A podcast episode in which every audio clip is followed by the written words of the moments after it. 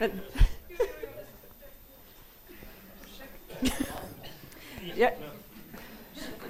Hej, Janne Wennström. Uh, eh, jag funderar när frågan om självförsvar, så det är så, så det som allt, det som man där så har idkat självförsvar i fysiska, så fysiska världen så är det alltid övar man. Men att alltså, vad, är en lämplig, vad ska vara en lämplig övning för moraliskt självförsvar? Det vill säga vilka är de frågeställningar som man borde bolla? Vi har, har bollat en del här nu redan men att vad är liksom vad är den där moralisk-etiska grejerna som man kanske borde fundera på, som man skulle kunna bolla med fram och tillbaka? Finns det några lämpliga övningar? Jag har nog tänkt på liksom jujitsu som går ut på det där att man, om man är bra på jujitsu så ska man kunna bemästra en kille som är 200 kilo större än en själv och dubbelt starkare. Liksom det går ut på att använda någon annans kraft. Och liksom det går mycket ut på att trivas eller vara bekväm i en sån här situation var någonting känns övermäktigt. liksom, jag tror att äh, moraliska äh, utmaningar har på ett visst sätt samma karaktär. Att man att öva sig på att, att liksom vara bekväm och trivas i den här situationen var man inte riktigt vet hur saker är. Äh, liksom träffa sådana människor som man inte är bekant med och till ett land som du inte känner till. Vakna upp på morgonen och fundera på vad du är. Liksom. Men det finns sådana gränserfarenheter äh, som kan vara skrämmande. Om man liksom är mitt emellan, på väg någonstans ifrån någonstans eller mitt emellan två olika saker. Och jag tror att det, det är sådana situationer som ens moral sätts på provning och man måste liksom hitta de där koordinaterna på nytt. Uh, och man kan inte vara allt för mycket, eller hela, liksom, man kan inte hela tiden vara liksom gränslös eller mitt emellan saker eller osäker på allting. Det, det är en omöjlighet och det är bara galen. Men jag tror att, att på något sätt kontrollerat försöka lära sig att trivas också i en sån situation är en bra övning. För olika människor kan det betyda väldigt olika saker, men det där jag hoppas att det här inte blev för abstrakt, men det föreslår jag som svar. Eh, jag tror att det är svårt, liksom, när man, eh, det blir svårt, eller det är en bra fråga som betyder oj vilken svår fråga, hur ska jag svara, svara den? Uh, jag, jag, tror uh, många gånger ska jag säga att liksom, vad, vad, moral handlar om är en fråga om seende, det vill säga hur ser jag på saker? Och alla känner ni säkert det här med att man ser på ett uh, halvfullt glas och så är frågan liksom att är det, är det, är det liksom halvtomt eller är det halvfullt? Och så är frågan liksom att hur ser man den där? Och där skulle jag säga att det finns många situationer var vi står i, var det är lite öppet liksom, hur ska jag tänka kring andra människor? Hur ska jag tänka kring mig själv? Vad vi står inför valet liksom att ska jag eh, ska jag ursäkta liksom det dåliga i mig eller ska jag på något vis se det, ta ansvar för det, be om förlåtelse? Eller hur ska jag se de andra? Ska jag se, liksom, ska jag se dem som sådana som irriterar eller sådana som är arroganta och jobbiga och stör mig i mitt liv? Eller ska jag se på något vis att de jobbar med olika saker och har olika problem? Så att många gånger ska jag säga att en övning är där liksom hela tiden att fråga alltså, hur ser jag? Vad är det jag ser? Vad berättar det jag ser? om mig själv. Liksom att på något vis hela tiden hålla sig öppen för den där frågan och också ifrågasätta min spontana reaktion. Liksom. Och speciellt när min spontana reaktion går i den här med jag orkar inte, jag kan inte, liksom och oj vad världen är orättvis, och oj vad andra människor är jobbiga. Att lite säga okej, okay, men hur jobbiga är de? Vad är min roll i det? Vad är mitt ansvar? Det, jag tror, det, för mig är det hela tiden den här frågan om en form av självreflektion, men också vad vi, vad vi liksom börjar känna vart våra beskrivningar av situationen bär. Alltså att om jag beskriver någon som väldigt arrogant, så då betyder det också att den är liksom en jobbig person, den är någon som jag inte liksom behöver ta på allvar, någon som jag inte behöver lyssna på eller någon som jag inte behöver respektera. Istället för att säga okej, okay, vad är det i mig som gör det här? Och det är förstås inte så att det bara är hur vi själva... Alltså det, det, det, finns förstås människor som på riktigt liksom beter sig arrogant och respektlöst och så vidare. Det ska vi inte förneka. Men eh, liksom att på något vis se att liksom, vart bär mitt sätt att se? Och att märka där att här finns liksom moraliskt brännande frågor. Sen kan vi förstås bara jobba med att möta människor just. Att liksom, äh, se hur gör vi det? Eh, liksom, alltså, eh, jag tycker speciellt liksom, i relationen till studenter, liksom, att ser man på studenter som jobbiga och krävande och de vill liksom hela tiden någonting från mig, eller tänker man att de har också vissa anspråk eller de är nu lite osäkra i sin situation och det är inte så stor sak för mig att snabbt besvara vissa frågor. Det här är en väldigt stor skillnad. Så det, mycket ska jag säga att det handlar om det där. Vad är den goda möjligheten i situationen? Vad är, vad är ett kärleksfullt sätt att reagera? Vad är ett vänligt sätt att reagera? Hålla den frågan öppen. Jag skulle vilja framföra en liten idé från jag är ju teolog och vi är ju mitt i den inne i påskfastan nu. Och det kan man ju tycka vad man vill om. Men det som är fint med det är att väldigt många bestämmer sig för att lämna bort någonting i sin, vad de äter eller bestämmer sig för att handla på vissa sätt under då, de dagar, de veckor som fastan eh, håller på. Och det här är en jättebra bara modell, tänker jag, för hur vi... Um, när vi vill förändra ett beteende så behöver vi en viss tid för det. Och om vi vet att vi har en begränsad tid att öva någonting eller att göra någonting så tycker vi ofta att det är ganska överkomligt. Och här kan man ju liksom då tänka sig att bestämma sig för, göra ett val helt enkelt, att nu kommer jag en gång i veckan under en månad att då stanna upp, prata med någon på gatan som jag inte skulle våga prata med eller liksom konkreta saker som man bestämmer att, att göra under en viss tid. Och väldigt många som till exempel fastar har ofta också sen fortsatt med mycket av, liksom, väldigt många slutade äta kött under fastan och jag vet många som har blivit vegetarianer efter det. Och på samma sätt kanske man kan med goda handlingar öva in ett beteende som sen fortsätter. Ni är nog så väldigt goda, goda och nobla, så jag måste nu lite... Um, jag måste erkänna att, att som um, jurist, så när någon frågar om självförsvar så börjar jag genast tänka på ett lite annat sätt. Och, och, och, där, och jag inser också att i det här sällskapet så, så tänker jag också på det sättet att vad, jag tänker ofta så här att vad är det värsta möjliga som kan hända?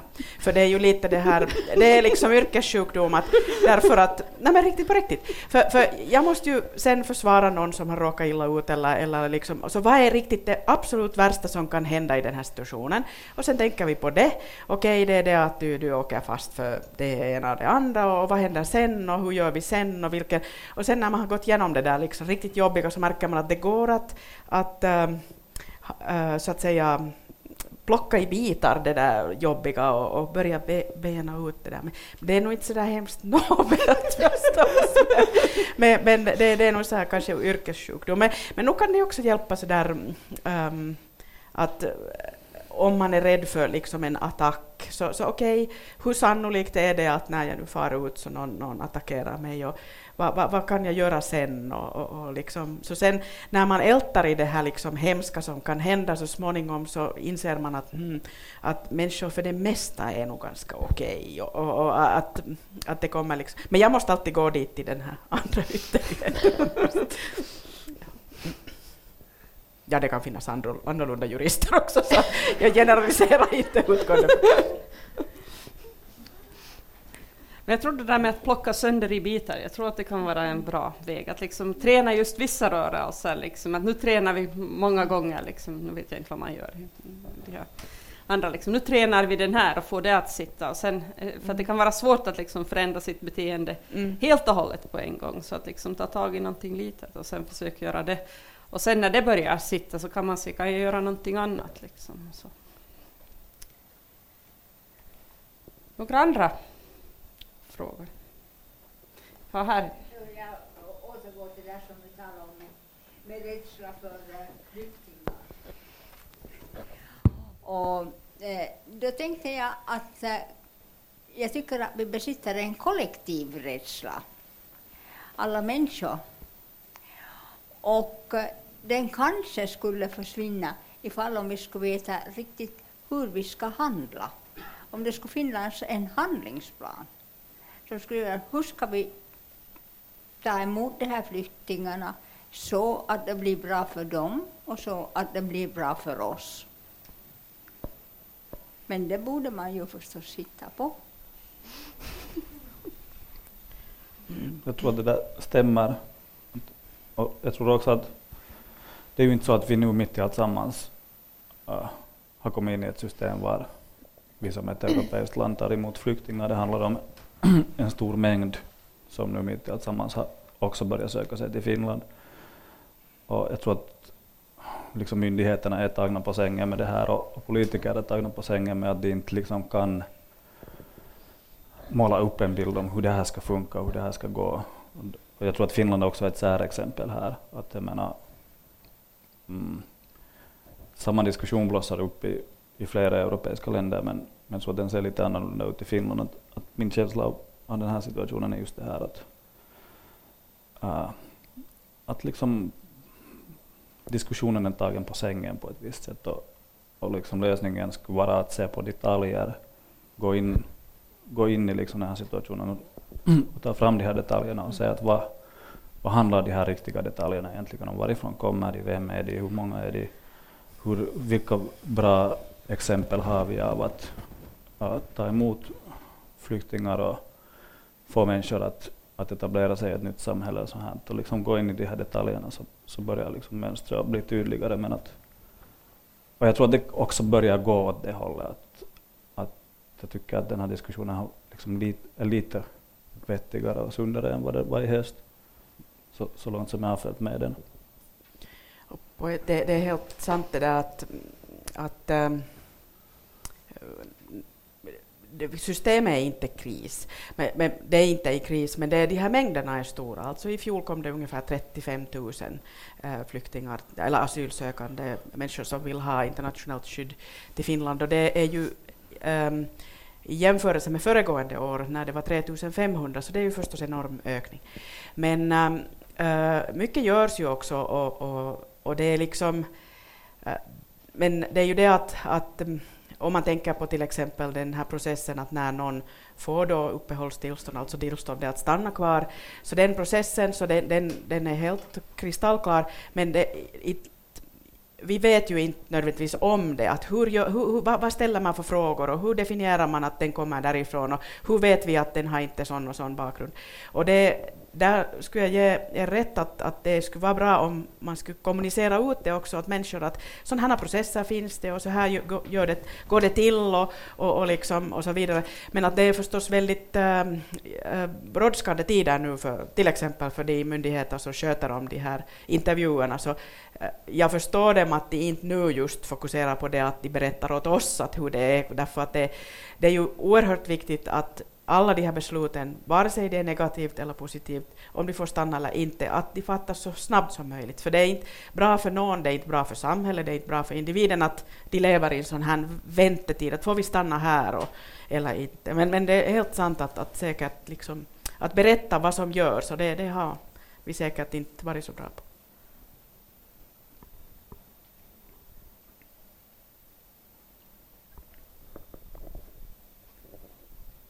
Här också. Vi försöker fördela ordet lite mer tillsammans.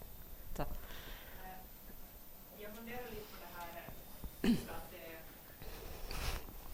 Hej. Eh, just det här att vissa rättigheter kommer med medborgarskap och det är ju helt logiskt för att det är liksom praktiska orsaker till att det är så. Men upplever ni att man ibland, eller jag upplever kanske att man blandar ihop det här att, att man har vissa rättigheter som medborgare och att det blandas ihop med mänskliga rättigheter på något sätt, att, liksom, att vissa upplever inte kanske som att de skulle beskriva det så, men att en icke-finländsk medborgare inte har samma rätt till till exempel levnadsstandard och att man då kan bli upprörd om en före detta flykting har liksom en hög levnadsstandard för att man på något sätt man tänker sig att finländare har en rättighet till bättre det, det blev lite yrt, men förstår ni vad jag menar? Att där liksom juridiska rättigheterna går på något sätt över till att handla om allmänna mm. rättigheter. Så jag tror att det där är bra att förtydliga. Kanske Elina kan, kan no, jag, kan börja, liksom, jag kan börja, för, för det är också viktigt att komma ihåg att att rättigheter det, det, är frågor som man kan diskutera juridiskt och sen kan man diskutera dem teologiskt, moraliskt, från alla möjliga olika håll och kanter. Och jag, jag klarar av bara den här, den här tråkigare biten, den här juridiska biten. Och där är det ju klart att, att när en människa kommer till Finland så utgångspunkten är att den människan har grundläggande rättigheter och, och, och liksom mänskliga rättigheter gäller också för den här människan.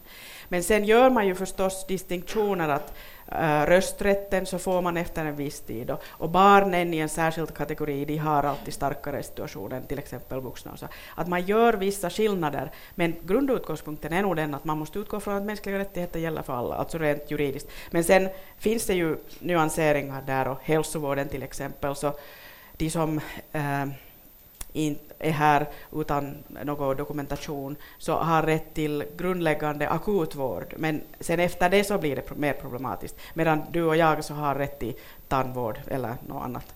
Eh, nu kanske inte i Åbo för det finns inget tandvård, men, men, men, men, ehm, men, i princip så skulle man juridiskt sett så skulle vi ha rätt.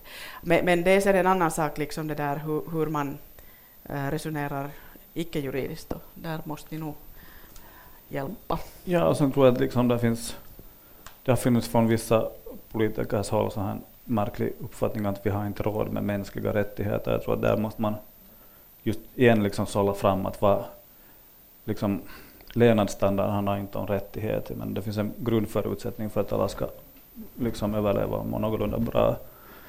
Som, kanske, som jag antar att det är en liksom mänsklig rättighet, men sen, sen liksom hurdan levnadsstandard man har faller in i en annan diskussion lite grann, tror jag. Men sen finns också risken som jag tror att, att när det börjar uppstå ett utrymme för sådana här tankegångar, att vi kan liksom skapa olika klasser av rättigheter i ett samhälle, så kommer det ju inte att sluta där, att när den där, när den där gränsen dras, så kommer ett samhälle då liksom börja falla i de här, på de här två olika sidorna av den här gränsen. Det kommer inte att bara att handla om om vad heter det, flyktingar och finländare, utlänningar och finländare. Det kommer att liksom, en sån gräns tror jag att vi inte kan ha i ett rättssamhälle. Håller du med? jo, jo, och utan vidare. Och sen det som jag glömde säga är att, att det som är också viktigt att komma ihåg att, att det att någonting är då lagstadgat, står i vår grundlag eller i, i, i vår, vilka lagar som helst, så behöver inte betyda att det i sig är rätt och riktigt. Uh, bra exempel är, är, är Nazityskland.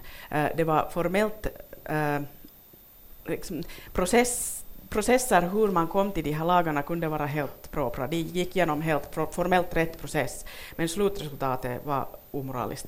Att, äh, det, det, är liksom väldigt viktigt att komma ihåg att, att i, en, i, en, i en sån här demokratisk process så kan man också ibland skapa sånt som inte moraliskt hållbart.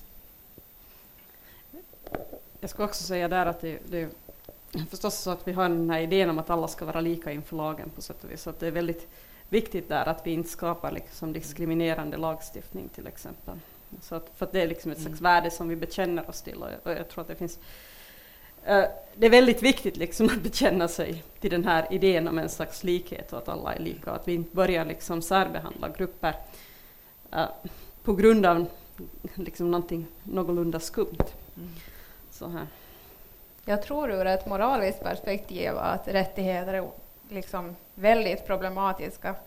Eh, de är jätteviktiga juridiskt och politiskt och vi behöver liksom, de har sin funktion. Eh, men när vi pratar moral och vi pratar om individer så har alla rättigheter och det finns en massa olika rättigheter som börjar strida mot varandra om vi ska börja liksom värdera människor utifrån det moraliskt, hur vi bemöter varandra, så tänker jag att vi är ute på djupt vatten. Eh, att när vi tänker på hur vi ska bemöta varandra i samhället, så då liksom kan inte att någon har rätt i någonting är inte alltid bort från mig. Det får inte liksom vara per definition så, utan vi är människor och vi har vissa grundläggande rättigheter som blir viktiga i vissa sammanhang.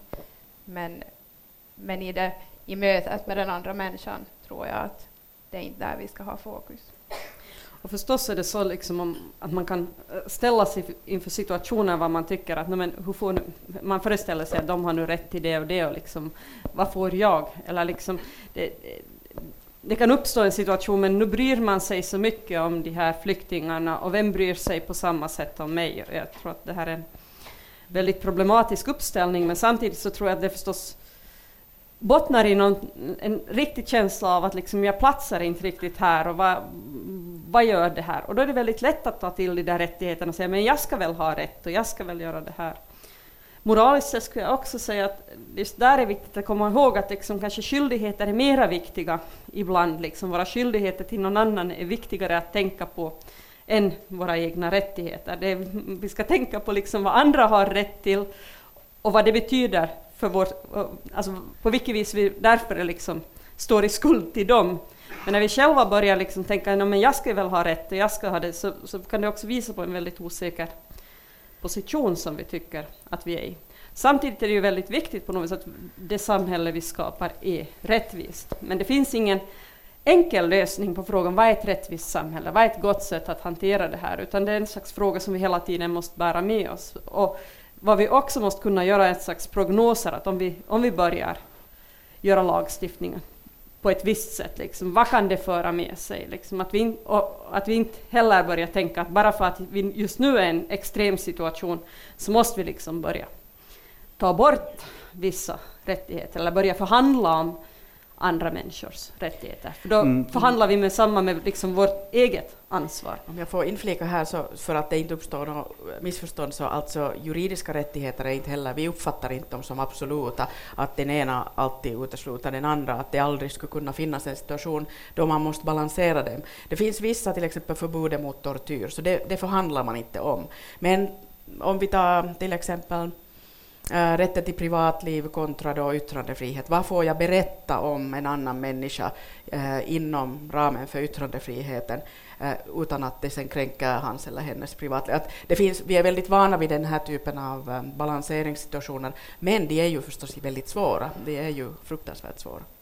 Och nu tror jag också att jag menar, det finns någon riktig oro och någon riktig orättvisa som, som manifesteras i den här liksom diskussionen var att det är inte så att det kom 30 000 flyktingar hit och så märker vi inte att, att vi, liksom, samhället klarar inte av det här utan det finns en grogrund för missnöje och det finns en liksom, orättvisa som bäddar för det här, det här underlaget färdigt.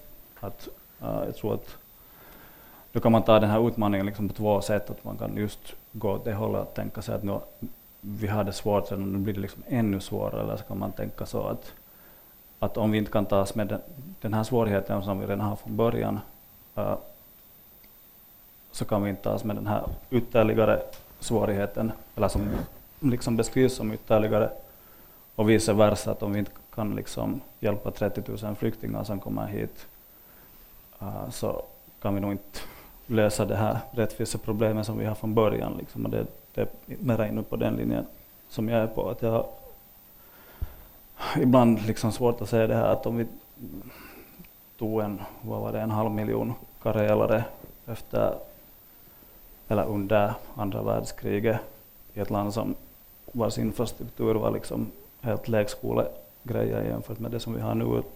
Och, och så vidare och så vidare. Liksom, det finns saker som vi kan göra bevisligen och har gjort. Och liksom, uh, vi kommer att kunna fixa det här också men det, det, det kräver liksom, tror jag, någon slags uttryckligen liksom någon slags hel, helhetssyn och, och någon slags moralisk förståelse.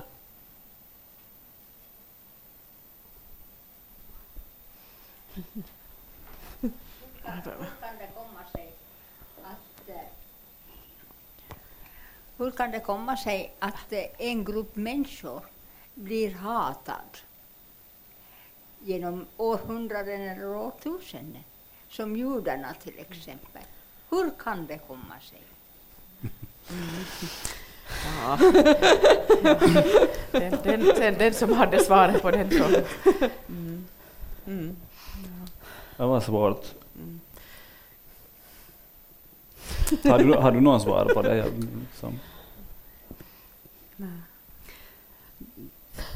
Det finns ju förstås hela den här idén liksom om syndabockar som ju också finns till exempel i judendomen, liksom den där idén om att liksom någon måste ta på sig skulden och sånt. Och, och någon slags idé om liksom, att man projicerar liksom, det onda man känner liksom, på någon annan. Och att vi på något vis måste få vårt obehag liksom, måste få en viss form. Så att vi kan ha det och så skickar vi den där bocken ut liksom, i det och så gör vi det. Men, men uh, sen... Mm, no, no. no, en del är väl just det där med att, att, jag tror att det nämndes lite det här hur vi har sådana här gamla berättelser. Det är inte så att vi är väldigt kreativa i hotfulla situationer utan vi tar till liksom en gammal berättelse. Och det tror jag också händer liksom med, med judarna. Liksom, att det, det finns vissa saker som aldrig har liksom, man har aldrig liksom utrota antisemitismen helt och hållet, liksom, utan den lever kvar på vissa ställen, och sen, men sen har den liksom levt liksom i botten och sen kommer den liksom upp igen och så här. Så det, det, men, ja, men vad är det som gör att vi tar tag i de där berättelserna? Det är sen en annan sak. Men det är helt klart att det liksom har gått hela tiden. Liksom, och, och jag tror att det, det är också just, jag tror att det är viktigt det där med berättelsen att just och som, som sades här att antisemitismen har en lång historia.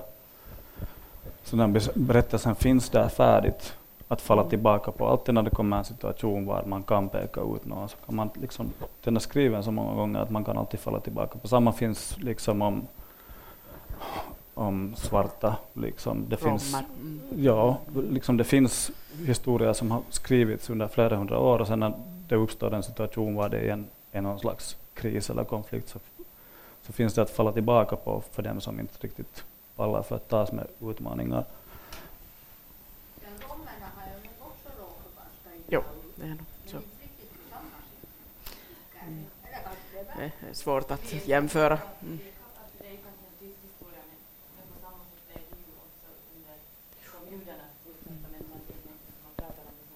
No kanske man borde säga där att vi aldrig riktigt har gjort upp med liksom, äh, problemen med romerna. Liksom. Alltså på, som vi har på något vis ändå liksom offentligt gjort upp med. Liksom. Vi vet att antisemitism är dåligt, men, men vi vet inte på samma sätt, eller det går inte lika mycket igenom. Liksom. Hur ska vi förhålla oss nu till liksom, romska tiggare och så vidare? Så där har vi en annan berättelse. Och jag tror att det viktiga är där också att när, när det finns en sån här historia, så det, det liksom, tror jag enda sättet att motverka den att berätta nya historier. Att till exempel, jag menar, äh, antisemitismen har kommit någorlunda långt med i och med att man, i och med att man har skrivit holocaustens historia. Jag menar, efter det, det, det finns det i alla fall en väldigt tung annan historia att berätta. Så, äh, men det, där, det måste man göra också då, till exempel för romerna. Och, och liksom alla, har inte, alla de här historierna måste fram, tror jag. Jag tror att det är det som är, är målet här så att de här liksom myterna inte får leva kvar. Ska vi se. Hade, hade vi ännu en fråga här som jag har missat? Sen går vi dit. Ja, um, jag har en sak som jag har funderat på ett tag. Um, jag har bott i Köpenhamn i tre år och det har varit ett så här väldigt multikulturellt ställe. Och jag har aldrig känt mig otrygg där under de tre åren. Och så här i Åbo så har det ibland varit sådana situationer som kanske har känt lite mer sån otrygga. Och då har jag bara tänkt på det att kan det, eller är det så att de är så mycket mer integrerade i samhället, i en stor stad, än vad de sen, att de känner sig mer utsatta här i ett litet samhälle och att det liksom också bildas fler konflikter på det sättet, eller har ni något vad, vad talar du om när du talar om de? Uh, det var inget jag gjorde bevisst. Nej, nej, nej alltså jag vill bara vara säker på innan man... Mm, no, kanske just det här att... Um, nej, inte vill jag egentligen utnämna några grupper, men att... Det, ja. Mm. Ja, Alltså det är klart att um, om man tänker på Åbo, ja, mm. Åbo centrum, så uh, uh, det är klart att när man vandrar dit på kvällen så märker man mitt i allt att oj, vad det finns mycket karrar. mm. uh, mycket, mycket unga karrar i, i klungor. Och, och, det där, um, och, Åbo är litet, så det att vi har flykting mot, eller asylmottagning, så det, det syns tydligare förstås än i Köpenhamn. Och, men men äh, vi har ju i Åbo också väldigt mycket utlänningar från förr.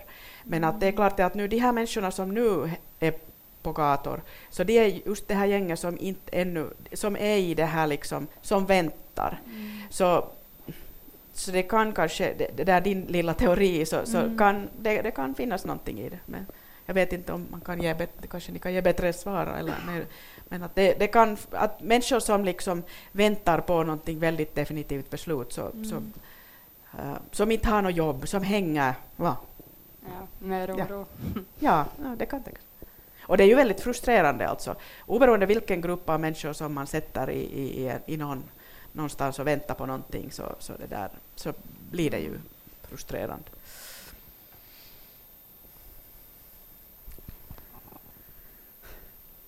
Har vi någon annan som är lite så här, jag har en känsla som jag inte har rört mig i Åbo centrum. Men jag, alltid när jag har rört mig sent i Åbo centrum så har jag upplevt det liksom lite hotfullt, liksom. också innan, och det här är liksom 20 år tillbaka i tiden, så här sent på kvällarna. Så att det, det, kan ju också hända att det finns en slags atmosfär här överlag som inte är speciellt trygg. Så att det, och den, om man kommer till den atmosfären så förstärks antagligen liksom det otrygga och inte liksom det andra. Sen är ju frågan liksom att hur ändrar man och hur bryter man det där och hur skapar man liksom andra former av atmosfärer. Och sen är ju frågan var, var ligger den där atmosfären? Det kan ju finnas sådana som tycker att det faktiskt är roligt. Liksom. Ja, där var en fråga. Ja, där är en fråga. Ja, ja, ja. alltså jag är lite främling, nog för den här mikrofonen, men jag ska försöka få det... Sätt dig närmare så... Ja. Sagt, ja. Uh, först skulle jag vilja säga att uh, juristen var här, enda som använde ett korrekt begrepp, att de är ju asylsökare som kommer hit. Att, jag tyckte att alla andra här använt begreppet flyktingar. Att en människa skulle säga att inte är flyktingar om de kommer från Sverige, de kommer från Norge, de kommer från Ryssland, de kommer från Estland, de kommer från Tyskland, Finland. Och det andra som jag skulle vilja säga är att uh, var det Antoni som det hette? Mm, ja. ja. att, som du sa, att, de inte, att det här skulle vara en planerad sak att, så att de skulle bli liksom tagna, liksom att politi politikerna var beredda på det här. Men Det stämmer inte heller att redan 2013 i januari som Röda Korset tillsammans med Finlands politiker och finska staten startade en, eh, en övning om att ta emot, en, att ta emot eh, 20 000 asylsökare. Det var i januari 2013. 2008 så berättade Jyrki Katainen om att vi måste ta emot, eller vi ska ta emot inom 11 år 1,8 miljoner asylsökande utlänningar. 2001, 2002 överlag, när det här andra amerikanska kriget i Mellanöstern började, så de, de har ju bombat dit nu i över 15 år, att det är så klart att det kommer radikala grupper. Det är ju helt planerad sak att de bombar och bombar ända tills det kommer de här radikala grupperna. Så att det sen får de här människorna att i sån situation i Mellanöstern att de faktiskt är rädda för de här radikala grupperna. Och så får de orsak att ta emot de här människorna och få sin planerade billiga arbetsmarknad till hela Europa. Och om vi går ännu längre tillbaka i tiden så ser vi hur man ljög för oss om euron. Om vi ska veta att euron, vi röstar om euron, nej, jag röstar inte men överlag röstar om euron, när vi röstar med EU, inte en chans att vi aldrig skulle gått med i EU. Och efter vi gick med i EU och euron så har allvar, så har vi integrerats, ska vi säga integreras i Europa. Det har alltid varit frågan om att vi ska integreras i Europa, att vi ska bli en federalstat. Vi har tagit bort vår självbestämmande rätt om ekonomin så att vi ska vara helt beroende av det centrala Europa även nu när den här flyktingsituationen börjar. Så om vi går ännu längre tillbaka så ser vi hur Finlands andra folkmord skedde i början av 1990-talet när flera hundratusentals för, äh, levande företag eh, tvångsbeslogs och togs drogs in av staten bara för att de, de får direkt till bankerna, de företagen, de pengarna. Och det var 14 500 hade beräknats desperata företagare som har tagit, eh, tog livet av sig då, i Finland. Och då har vi sett hur då staten börjar ta kontroll över samhället så att de ska få ända till den här dagen sin billiga arbetsmarknad, nu sakta men säkert inkorporerad. Och då går vi ända tillbaka till 1990, eller när det här var 1989, när jag kommer ihåg när det här första persiska.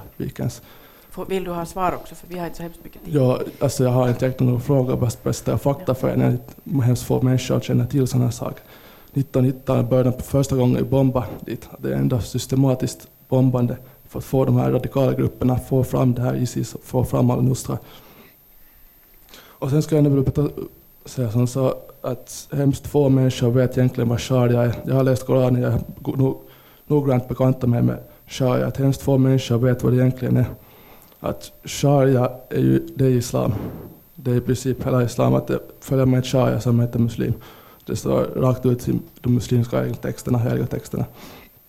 Vad står det i islam då? Jo, det finns ingen det finns ingen yttrandefrihet, det finns ingen åsiktsfrihet, det finns ingen religionsfrihet, det finns ingen jämlikhet. Kvinnan kan bli ägd som slavar, det kan bli ägd som kamelerna. Kvinnan är värd hälften av mannen. Kvinnan måste göra precis så som mannen till han säger. Kvinnan ägs av mannen. Eh, Så jag, jag har tänker presentera det här fakta hur som helst om jag har mikrofon eller inte. Men då, Ja, då är det det nog inte riktigt just. För, för Alltså, du Montur, det är hemskt få människor som- vet vad egentligen islam är och ändå är de villiga att ta emot det här. Vet ni hur islam och sharia behandlar oss kafirer, oss som inte, alltså i princip alla icke-muslimer.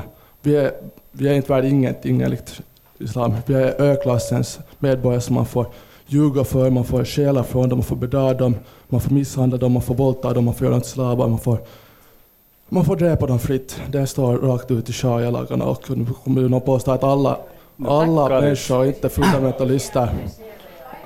Eh, Alla, jag vill presentera fakta för er, för hemskt få människor känner till det här. Att sharia-lagarna, be- bekanta med dem, bekanta med islam för att ni tar emot fler människor, fler muslimer Alltså, om, jag, om jag bekantar mig med islam så snackar jag gärna med någon som till exempel är muslim. Det, det, det är liksom en, ett bra sätt att bekanta sig med islam.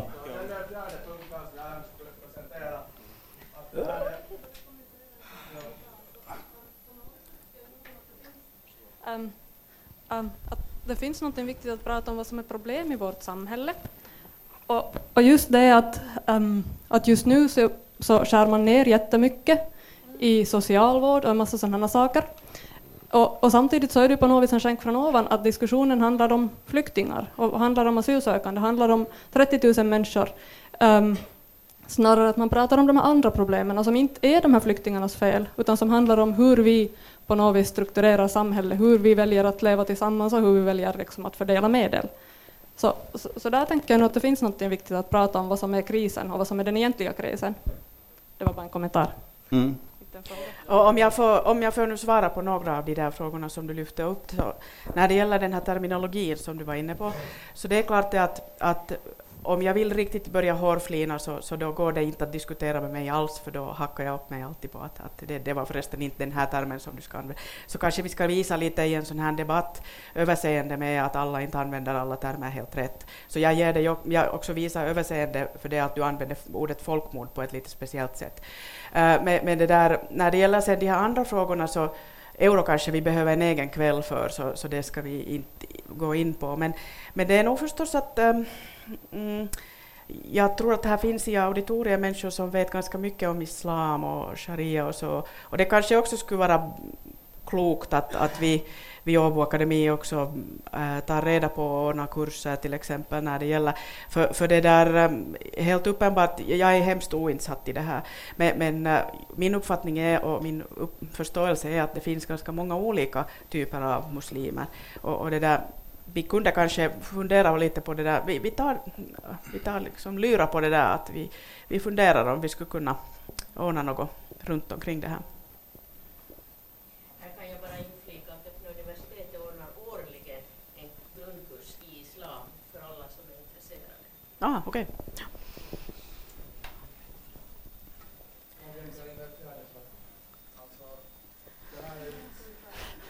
Jag tror att vi, vi, vi, vi måste, jag sa att vi ska sluta klockan åtta, så jag tror att vi måste också börja avrunda här. Nej, nej men, men, men tyvärr, tyvärr, igen, vi har de här gemensamma riktlinjerna och, och, och, och vi ser vad det är du vill säga. Jag tror att det är viktigt att säga, du säger du har fakta. Uh, det är väldigt, uh, fakta är inte någonting som föreligger i världen på ett väldigt enkelt sätt så att vi bara kan ta tag i det. Utan det är en stor fråga hur vi ska förstå fakta. Det verkar som om du tänker att det finns, det finns en större plan bakom. Det vill säga, vi ser här, många brukar kalla det här för konspirationsteorier. Det, eh, Frågan är vem, vem tar tag i de där konspirationsteorierna? Vem tror på att det finns en så här stor plan? Vem är det som ligger bakom den där planen? Eh, jag skulle säga det finns många ställen var vi kan gå in och diskutera dina punkter och ifrågasätta vad är fakta, vad är inte fakta, vad är olika värderingar som olika människor och grupper för in där. Det är i sig en intressant situation men, eh, och en intressant diskussion, men just nu så har vi inte liksom tiden och det är inte heller platsen för att börja se hur vi ska förstå historieskrivning. Men vid Åbo Akademi finns det också många som just jobbar med historieskrivning och som just jobbar med hur vi på riktigt ska beskriva historien. Och de skulle säga att det finns inte bara ett sätt att se historien, det är väldigt svårt att göra sådana väldigt stora saker. Att hitta liksom avs avsikter, konkreta avsikter, vad någon faktiskt lyckas iscensätta sådana här stora världsliga händelser. Det är ett ganska stort anspråk. Och det är någonting som man behöver mera liksom evidens för. Och fast man har den så måste vi kunna diskutera det här och se vad är en bra historieskrivning. Men nu, men nu eftersom klockan redan är tio över åtta och det, jag tycker det är väldigt viktigt att man håller tiden, så, så ska vi redan se att vi har gått över tiden. Så jag tackar för den här diskussionen. Och jag hoppas att ni kommer tillbaka 20 april och då ska vi diskutera vad som händer när olika kulturer möts. Liksom. Vad, vad är moralfrågorna där? Hur ska vi ta itu med det? Är det så att vi bara måste ta en annans moral när de kommer, eller kan det vara så att vi hittar sätt att mötas i vårt moraliska tänkande, att vi till och med kan utveckla vårt moraliska tänkande när vi möter andra människor. Tack så mycket. Tack, tack.